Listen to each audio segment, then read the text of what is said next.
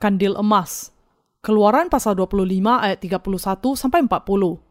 Haruslah engkau membuat kandil dari emas murni. Dari emas tempaan harus kandil itu dibuat, baik kakinya, baik batangnya, kelopaknya, dengan tombolnya dan kembangnya. Haruslah seiras dengan kandil itu. Enam cabang harus timbul dari sisinya. Tiga cabang kandil itu dari sisi yang satu dan tiga cabang dari sisi yang lain tiga kelopak yang berupa bunga badam pada cabang yang satu dengan tombol dan kembangnya, dan tiga kelopak yang serupa pada cabang yang lain dengan tombol dan kembangnya. Demikianlah juga kau buat keenam cabang yang timbul dari kandil itu. Pada kandil itu sendiri harus ada empat kelopak berupa bunga badam dengan tombolnya dan kembangnya. Juga harus ada satu tombol di bawah sepasang cabang yang pertama yang timbul dari kandil itu, dan satu tombol di bawah yang kedua, dan satu tombol di bawah yang ketiga. Demikianlah juga kau buat keenam cabang yang timbul dari kandil itu. Tombol dan cabang itu harus timbul dari kandil itu, dan semuanya itu haruslah dibuat dari sepotong emas tempaan yang murni. Haruslah kau buat pada kandil itu tujuh lampu, dan lampu-lampu itu haruslah dipasang di atas kandil itu sehingga diterangi yang di depannya. Sepitnya dan penadahnya haruslah dari emas murni. Dari satu talenta emas murni haruslah dibuat kandil itu dengan segala perkakasnya itu. Dan ingatlah bahwa engkau membuat semuanya itu menurut contoh yang telah ditunjukkan kepadamu di atas gunung itu. Kandil emas dibuat dari satu talenta emas murni.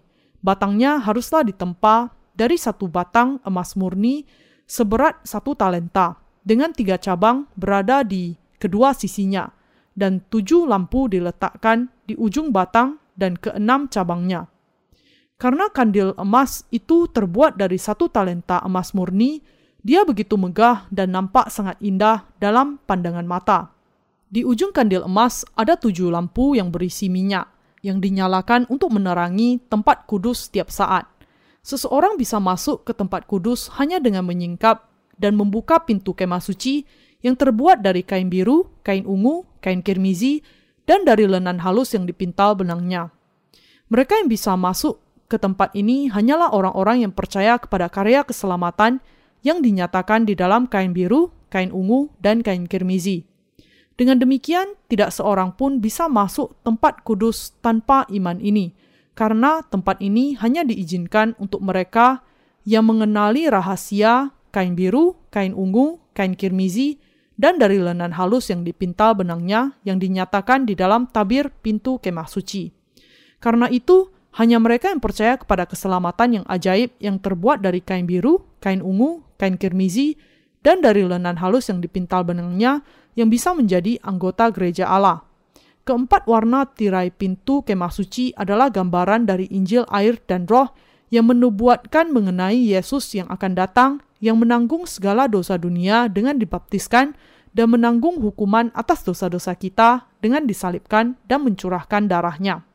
Tidak lain dari Injil air dan roh inilah pengampunan dosa yang sejati yang sudah Tuhan berikan kepada kita.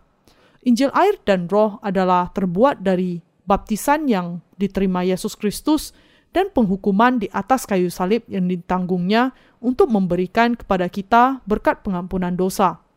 Dengan demikian, hanya mereka yang dengan sepenuh hati percaya kepada kebenaran ini yang bisa ditebus dari dosa-dosa mereka. Allah dengan kata lain mengizinkan hanya mereka yang percaya kepada kebenaran, kain biru, kain ungu, kain kirmizi, dan dari lenan halus yang dipintal benangnya untuk masuk ke dalam tempat kudus. Sebagaimana kandil emas di dalam tempat kudus selalu menyinarkan sinar yang terang, demikian juga orang-orang yang menjadi anak-anak Allah dengan percaya kepada Injil air dan roh juga menerangi dunia ini dengan terang keselamatan yang menyelamatkan manusia dari dosa-dosa mereka. Dengan kata lain, hanya orang-orang yang sudah menerima pengampunan dosa melalui Injil air dan roh yang bisa memenuhi peranan sebagai kandil emas yang memberikan terang keselamatan, sehingga banyak orang lain bisa mengenal kebenaran ini juga dan menerima pengampunan dosa-dosa mereka. Kandil emas memiliki kembang-kembang, tombol, dan kelopak. Sebagaimana Allah memerintahkan bahwa tujuh lampu harus diletakkan di atas kandil emas, ketika lampu-lampu itu dinyalakan, kegelapan berlalu di tempat kudus setiap waktu. Ini berarti bahwa orang-orang benar yang sudah dibasuh dari dosa-dosa mereka dengan percaya kepada Injil, air, dan Roh akan berkumpul bersama, membangun gereja Allah, dan menerangi dunia ini. Cahaya dari kandil emas yang bersinar di tempat kudus adalah Injil, air, dan Roh yang mengusir kegelapan dari dunia ini. Untuk menyelamatkan kita dari dosa, Yesus Kristus datang ke bumi, berinkarnasi dalam rupa manusia. Dan untuk menanggung atas dosa-dosa kita, dia dibaptiskan oleh Yohanes dan untuk menanggung penghukuman atas dosa-dosa kita, dia adalah disalibkan. Yesus dengan itu sudah menjadi terang keselamatan. Di dalam perantaran kemah suci, orang-orang berdosa menanggungkan dosa-dosa mereka kepada korban persembahan dengan menumpangkan tangan mereka ke atas kepalanya dan membiarkannya menanggung penghukuman atas dosa-dosa mereka dengan membunuh korban ini. Demikian juga Yesus Kristus menggenapkan keselamatan kita dengan dibaptiskan dan mati di atas kayu salib seturut dengan hukum Allah dan dia sudah menjadi terang keselamatan bagi semua manusia. Dengan pelayanan yang dinyatakan di dalam kain biru, kain ungu, kain kirmizi, dan dari lenan halus yang dipintal benangnya, Yesus Kristus sudah memenuhi keselamatan manusia. Jadi, kita sudah diselamatkan dari dosa-dosa kita dengan percaya kepada Injil baptisan dan darah yang sudah diberikan Yesus Kristus kepada kita. Semua yang percaya kepada Yesus juga harus menemukan terang kebenaran ini. Yesus Kristus sudah memancarkan terang keselamatan kepada dunia ini, supaya hanya mereka yang dilahirkan kembali dari air dan roh saja yang bisa masuk kerajaan Allah. Dengan demikian, hanya orang-orang yang dilahirkan kembali dari air dan roh yang bisa menjadi bagian dari gereja Allah dan memenuhi syarat untuk bersinar dan menyebarkan terang air dan roh ke seluruh dunia. Karena hanya mereka yang percaya kepada Injil air dan roh dan menyebarkannya, Allah sudah mempercayakan Injil air dan roh ini secara khusus kepada mereka dan mengizinkan mereka menyinarkan terang Injil yang sejati. Dengan demikian, kita harus menyadari bahwa pekerjaan ini memberitakan Injil ke seluruh dunia hanya bisa dilakukan oleh orang-orang yang percaya kepada Injil, air, dan Roh sebagai kebenaran yang sejati. Orang-orang berdosa tidak bisa masuk ke tempat kudus. Hanya mereka yang percaya kepada Injil yang dinyatakan di dalam kain biru, kain ungu, dan kain kirmizi di pintu kemah suci yang bisa masuk.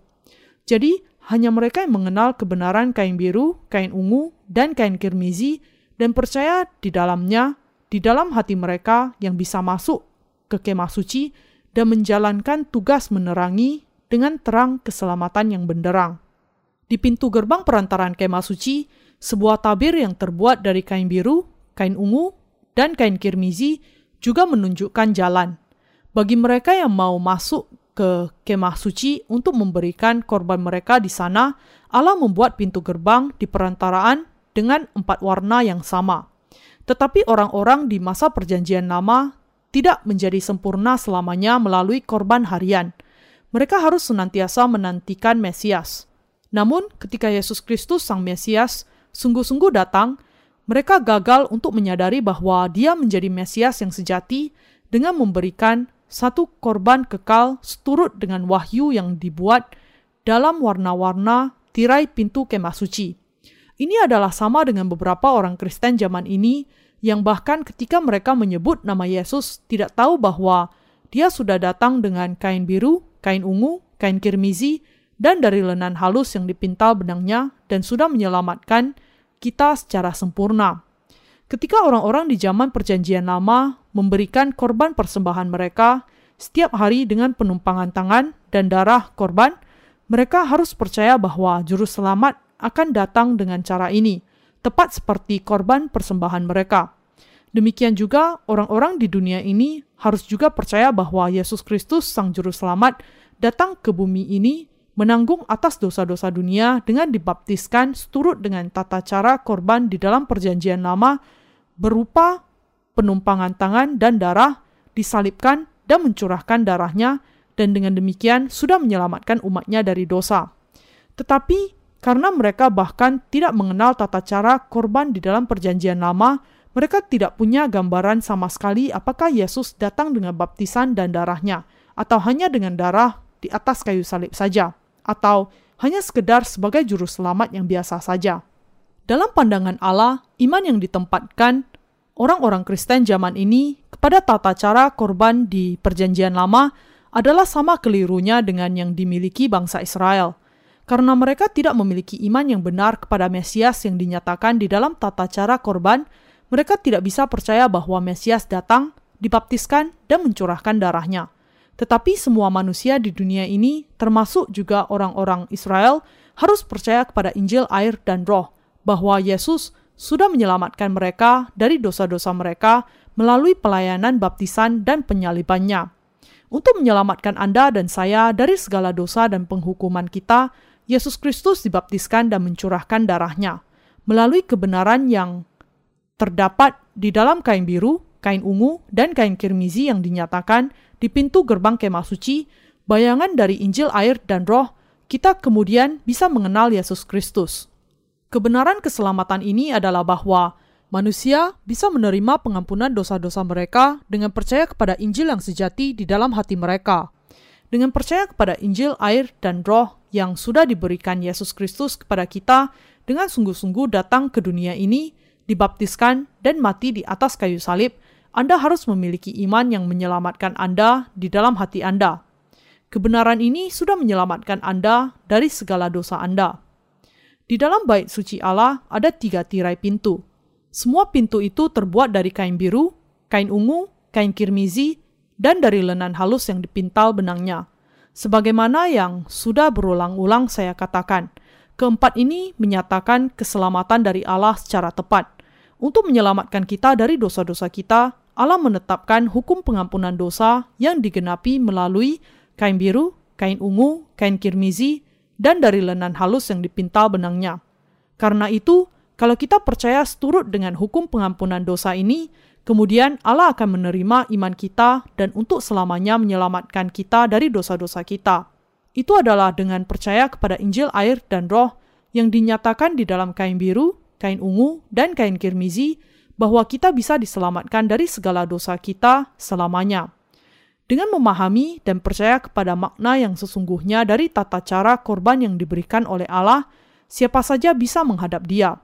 Di pintu masuk tempat kudus, bait Allah, ada lima tiang, dan ada tirai yang terbuat dari kain biru, kain ungu, kain kirmizi, dan dari lenan halus yang dipintal benangnya adalah digantung di atas tiang-tiang ini. Agar kita bisa menghadap Allah, kita harus memiliki empat iman yang dinyatakan di dalam tirai pintu empat warna itu. Iman yang ditunjukkan di dalam kain biru adalah bahwa Yesus Kristus menerima dosa-dosa kita dengan dibaptiskan, dan iman yang dinyatakan di dalam kain kirmizi adalah bahwa Yesus menanggung penghukuman atas dosa dengan disalibkan dan mencurahkan darahnya.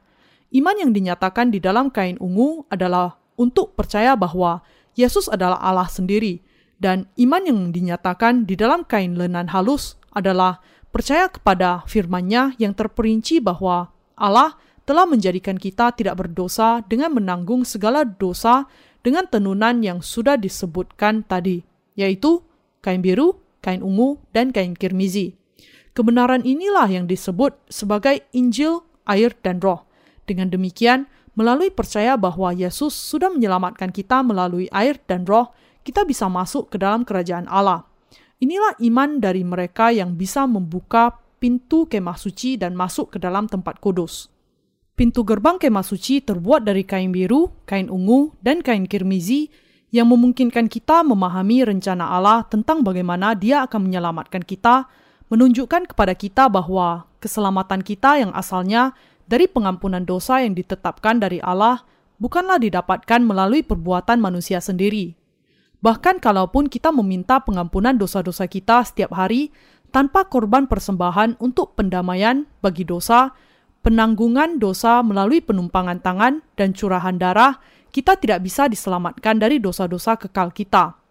Hanya ketika korban persembahan yang datang untuk menyelamatkan kita dari dosa-dosa kita, menanggung dosa-dosa kekal kita saja, kita bisa sepenuhnya diselamatkan dengan percaya kepada kebenaran dan kemudian menerima pengampunan dosa. Kalau kita memiliki di dalam hati kita iman yang percaya kepada Injil kebenaran ini, maka kita akan bisa menyebarkan Injil keselamatan yang memberikan kehidupan kekal untuk semua jiwa yang sesat. Dengan percaya kepada pelayanan Yesus yang dinyatakan di dalam kain biru, kain ungu, dan kain kirmizi, kita bisa menerangi dunia ini dengan kebenaran pengampunan dosa. Kandil emas di tempat kudus memiliki tujuh lampu, sehingga Ketika lampu itu dinyalakan, cahaya mereka dipantulkan lagi oleh dinding kemah suci yang terbuat dari papan yang disalut dengan emas dan dengan itu menerangi keseluruhan bagian dalam tempat kudus dengan benderang. Kalau tidak ada kandil emas di dalam tempat kudus, maka yang ada hanyalah kegelapan saja. Inilah alasannya mengapa Allah sudah menempatkan di dalam dunia yang gelap ini orang-orang kudus dan para hambanya yang percaya kepada Injil air dan roh. Apakah peranan kandil emas? Kandil emas menunjukkan bahwa Allah sudah memberikan kepada kita iman yang percaya kepada kebenaran yang menjadi terang dunia ini. Iman kita adalah percaya kepada Yesus Kristus yang sudah dilahirkan ke bumi ini, dibaptiskan dan mencurahkan darahnya di atas kayu salib. Allah mengatakan kepada kita dengan kata lain, supaya memancarkan terang keselamatan dengan iman ini. Ketika kita memegang iman keselamatan di dalam hati kita dan menyebarkan iman ini, pada saat itulah kita memancarkan terang kebenaran yang bercahaya. Orang-orang kemudian akan melihat dan datang kepada terang yang bercahaya ini, menyadari bahwa Tuhan sudah menyelamatkan mereka dengan kain biru, kain ungu, kain kirmizi, dan dari lenan halus yang dipintal benangnya, dan menjadi umat Allah sendiri. Inilah terang kebenaran Injil air dan roh yang direncanakan dan dipenuhi oleh Allah Bapa, Anak, dan Roh Kudus. Dengan iman kita kepada kebenaran bahwa Yesus datang ke bumi ini, dibaptiskan dan disalibkan, mencurahkan darahnya dan mati, dan bangkit kembali dari kematian untuk memberikan pengampunan semua dosa kepada kita, kita memberitakan Injil kepada orang-orang yang rindu diselamatkan. Kalau Yesus Kristus tidak dibaptiskan dan berkorban bagi kita, Anda dan saya tidak pernah sampai kapan pun diselamatkan dari dosa-dosa kita. Karena Yesus dibaptiskan, mencurahkan darahnya, dan berkorban bagi kita, dia bisa memberikan kepada semua orang berdosa iman yang menyelamatkan mereka. Kita tidak hanya memberitakan doktrin yang hanya kayalan saja di sini. Di seluruh penjuru dunia, kita memberitakan terang keselamatan yang dinyatakan di dalam kain biru, kain ungu, kain kirmizi, dan dari lenan halus yang dipintal benangnya. Karena kita memiliki iman yang memahami dan percaya kepada baptisan Yesus dan pengorbanannya di atas kayu salib, kita memberitakan terang kehidupan kepada mereka yang hatinya berada dalam kegelapan. Semua orang yang sudah diterangi oleh terang ini kemudian memberikan kesaksian akan keajaiban yang luar biasa akan kenyataan bahwa semua dosa mereka lenyap dari hati mereka. Semua orang di dunia ini juga akan datang untuk mengenal baptisan yang diterimanya dan pengorbanan di atas kayu salib yang dipersembahkannya untuk menanggung segala dosa dunia dan dengan percaya bahwa semua itu untuk pengampunan dosa mereka, mereka akan datang untuk menemukan terang kebenaran. Mengapa Yesus Kristus harus datang ke bumi ini? Mengapa dia harus dibaptiskan? Mengapa dia harus mati di atas kayu salib? Mengapa dia harus bangkit dari kematian pada hari yang ketiga? Alasan untuk semuanya ini adalah karena Yesus Kristus itu Mesias. Untuk menggenapi semua karya keselamatan sebagai Mesias, Yesus dibaptiskan dan mencurahkan darahnya, dan dia dengan itu sudah memancarkan terang keselamatan kepada orang-orang berdosa. Karena itu, dengan menyebarkan terang keselamatan ke seluruh penjuru dunia, kita bisa menolong banyak orang lain mengenal kebenaran ini dan dengan itu menerima kehidupan kekal. Anda dan saya adalah kandil emas yang menerangi dunia ini dengan terang Injil air dan roh. Melalui Injil yang kita sebarkan, manusia akan bisa mengenal terang kebenaran yang menyelamatkan mereka. Mereka yang mencari terang itu di dunia yang gelap ini akan melihat cahaya yang benderang yang kita sebarkan, datang kepada terang kebenaran dan diselamatkan dari segala dosa mereka. Dengan datang kepada iman yang percaya kepada kebenaran ini, semua manusia bisa diselamatkan. Injil ini bukan sekedar teori saja. Dengan demikian, kita harus percaya dengan sepenuh hati kita. kita bisa bekerja untuk menyebarkan Injil hanya kalau kita sungguh-sungguh percaya kepada pelayanan Yesus yang dinyatakan di dalam kain biru, kain ungu, kain kirmizi, dan dari lenan halus yang dipintal benangnya. Tetapi bahkan kalaupun kita telah menerima pengampunan dosa, tanpa lampu di mana minyak bisa diletakkan, kita tidak akan pernah bisa memancarkan cahaya dan karena itu Allah memberikan kepada kita gereja Allah, kandil kita. Di masing-masing cabang kandil emas ada kelopaknya, dan di bawahnya ada tombol-tombol hiasan. Ini tidak lain berarti gereja yang dibangun oleh iman. Tempat di mana berkumpul hanya orang-orang yang telah sungguh-sungguh menerima pengampunan dosa dengan percaya di dalam hati mereka adalah gereja Allah sejati. Kepala dari gereja adalah Yesus Kristus dan gereja adalah tubuhnya. Sama seperti tubuh bergerak tepat sebagaimana yang diperintahkan kepala, Gereja juga menggerakkan kaki dan tangannya sebagaimana perintah Yesus Kristus. Demikianlah caranya Injil dilayani. Apa kemudian yang dilihat oleh gereja Allah? Terjebak di dalam kegelapan dosa, seluruh dunia sedang menghadapi kematian, dan gereja melihat jiwa-jiwa di tengah-tengahnya yang tidak bisa menghindar dari masuk neraka. Gereja Allah menerangi mereka dengan terang keselamatan Inilah yang Anda dan saya lakukan di dalam gerejanya dengan iman kita kepada Injil. Di negara-negara di mana ada sejarah panjang dari kekristenan, ada banyak orang yang sangat berpendidikan dan memahami Alkitab. Saya percaya bahwa ketika mereka di antara orang-orang yang demikian yang terus-menerus berusaha menemukan kebenaran sejati, ada yang akan menemukan kebenaran ini, mereka kemudian akan langsung menerima pengampunan dosa-dosa mereka. Jadi, untuk mengabarkan Injil air dan roh kepada orang-orang yang demikian, saya bekerja dalam kesatuan dengan orang-orang kudus yang sudah dilahirkan kembali oleh iman. Karena kekristenan berbeda dengan agama yang lain, sudah meletakkan dasar imannya kepada firman, manusia masih akan menerima pengampunan dosa kalau hanya kita memberitakan firman itu dengan benar. Tetapi ada juga orang-orang yang dengan keras melawan kebenaran ini, hanya mencemoohkan dan tidak percaya kepada hal itu tidak peduli berapa kali diberitakan kepada mereka. Pada khususnya ada orang-orang mengaku beragama yang keras kepala, yang tidak percaya kepada firman Allah, dan orang yang demikian tidak akan pernah percaya kepada kebenaran air dan roh ini. Tetapi bagaimana dengan mereka yang menerima Alkitab sebagai firman Allah? Orang dalam jumlah yang tidak terhitung banyaknya akan menerima pengampunan dosa dengan mendengar dan percaya kepada Injil ini. Itu adalah karena saya memiliki iman ini, sehingga saya sudah melayani Allah bersama dengan Anda sampai kepada hari ini. Di masa yang akan datang, Injil ini akan disebarkan kepada begitu banyak orang, dan pekerjaan besar dari Injil akan dibangkitkan.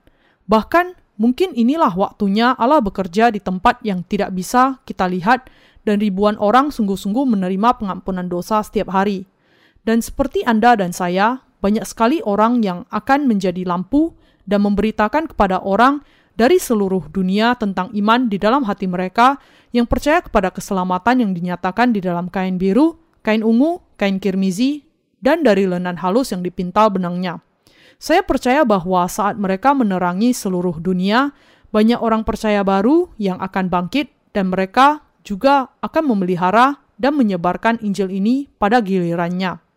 Kita yang sekarang telah menjadi lampu Allah menyinarkan terang keselamatan dengan iman kita yang percaya kepada kebenaran yang dinyatakan di dalam kain biru, kain ungu, kain kirmizi, dan dari lenan halus yang dipintal benangnya. Kain biru itu memancarkan cahaya kebenaran baptisan Yesus, yaitu Yesus menanggung segala dosa seluruh dunia dengan dibaptiskan oleh Yohanes. Kain ungu memancarkan cahaya kebenaran bahwa Yesus Kristus adalah Raja segala raja. Kain kirmizi memancarkan terang kebenaran bahwa Yesus membawa segala dosa dunia ke atas kayu salib dan mencurahkan darahnya di sana. Dan kain lenan halus bercahaya terang kebenaran bahwa firman Allah sudah menjadikan orang-orang berdosa sebagai orang benar. Firman Injil air dan roh yang diberikan oleh Allah adalah terang kebenaran yang dinyatakan di dalam kain biru, kain ungu, kain kirmizi, dan dari lenan halus yang dipintal benangnya. Injil ini juga menjelaskan bahwa dia akan kembali ke bumi ini sebagai Tuhan pada kedatangannya yang kedua kali, membangkitkan kita kembali, menjadikan kita memerintah bersama dengan dia selama seribu tahun di kerajaan seribu tahun, dan memampukan kita masuk ke dalam kerajaan Allah yang kekal dan hidup selamanya. Bisakah Anda membayangkan apakah kehidupan kekal itu? Alam semesta ini begitu besar dan luas sehingga para ahli mengatakan bahwa ada tata surya demi tata surya di dalam galaksi-galaksi lain yang tidak terhitung jumlahnya di luar tata surya kita dan Milky Way. Wilayah alam semesta yang Allah ciptakan memang sungguh-sungguh agung. Di luar alam semesta yang kita kenal, ada keberadaan yang tidak terhitung jumlahnya yang bahkan tidak kita ketahui yang tersebar di seluruh galaksi-galaksi. Bintang jatuh yang nampak sekarang ini sebenarnya adalah pecahan planet yang terlempar dari galaksi-galaksi lain miliaran tahun yang lalu dan baru sekarang mencapai atmosfer bumi dan terbakar. Jadi, kita dengan kata lain menyaksikan apa yang sudah terjadi miliaran tahun yang lalu hanya sekarang. Dengan demikian, wilayah yang begitu besar dari alam semesta yang diciptakan oleh Allah masih tetap belum dikenali tetapi meskipun alam semesta itu tidak kita kenal, bagi Allah, alam semesta itu hanyalah sekecil telapak tangan saja.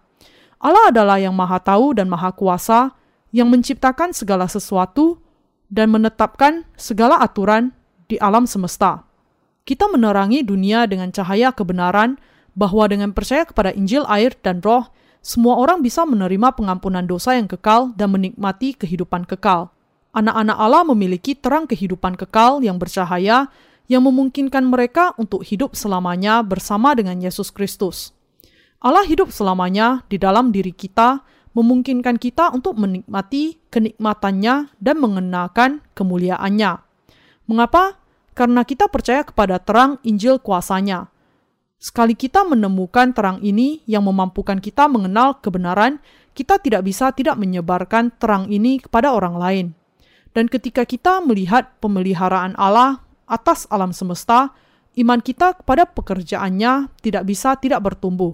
Beberapa bintang lenyap miliaran tahun yang lalu, akan tetapi mata kita masih bisa melihatnya karena jaraknya adalah miliaran tahun cahaya dari planet kita. Kita hanya bisa membayangkan ide mengenai kekekalan ketika kita mengeluarkan pendapat mengenai alam semesta yang tidak terhingga. Kita yang sudah menjadi bagian dari gereja Allah saat ini hidup dengan menyebarkan terang Injil yang sejati, karena kita percaya kepada kebenaran yang dinyatakan di dalam kain biru, kain ungu, dan kain kirmizi. Kita percaya bahwa keselamatan ini menjamin bagi kita kehidupan kekal dan keberkatan di dalam kerajaan Bapa kita. Dan kita tahu bahwa Allah mengkehendaki semua manusia untuk diselamatkan dan memahami kebenaran. 1 Timotius pasal 2 ayat 4.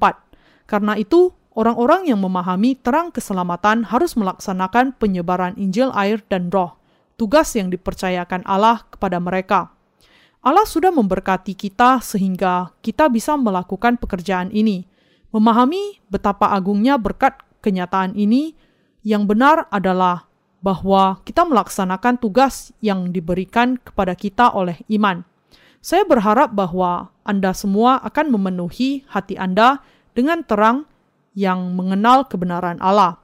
Oleh anugerah Allah, Anda dan saya bisa memahami pelayanan keselamatan yang dinyatakan di dalam kain biru, kain ungu, kain kirmizi, dan dari lenan halus yang dipintal benangnya. Dan kita sudah menjadi terang keselamatan untuk seluruh dunia. Orang-orang yang menyinari seluruh dunia. Haleluya!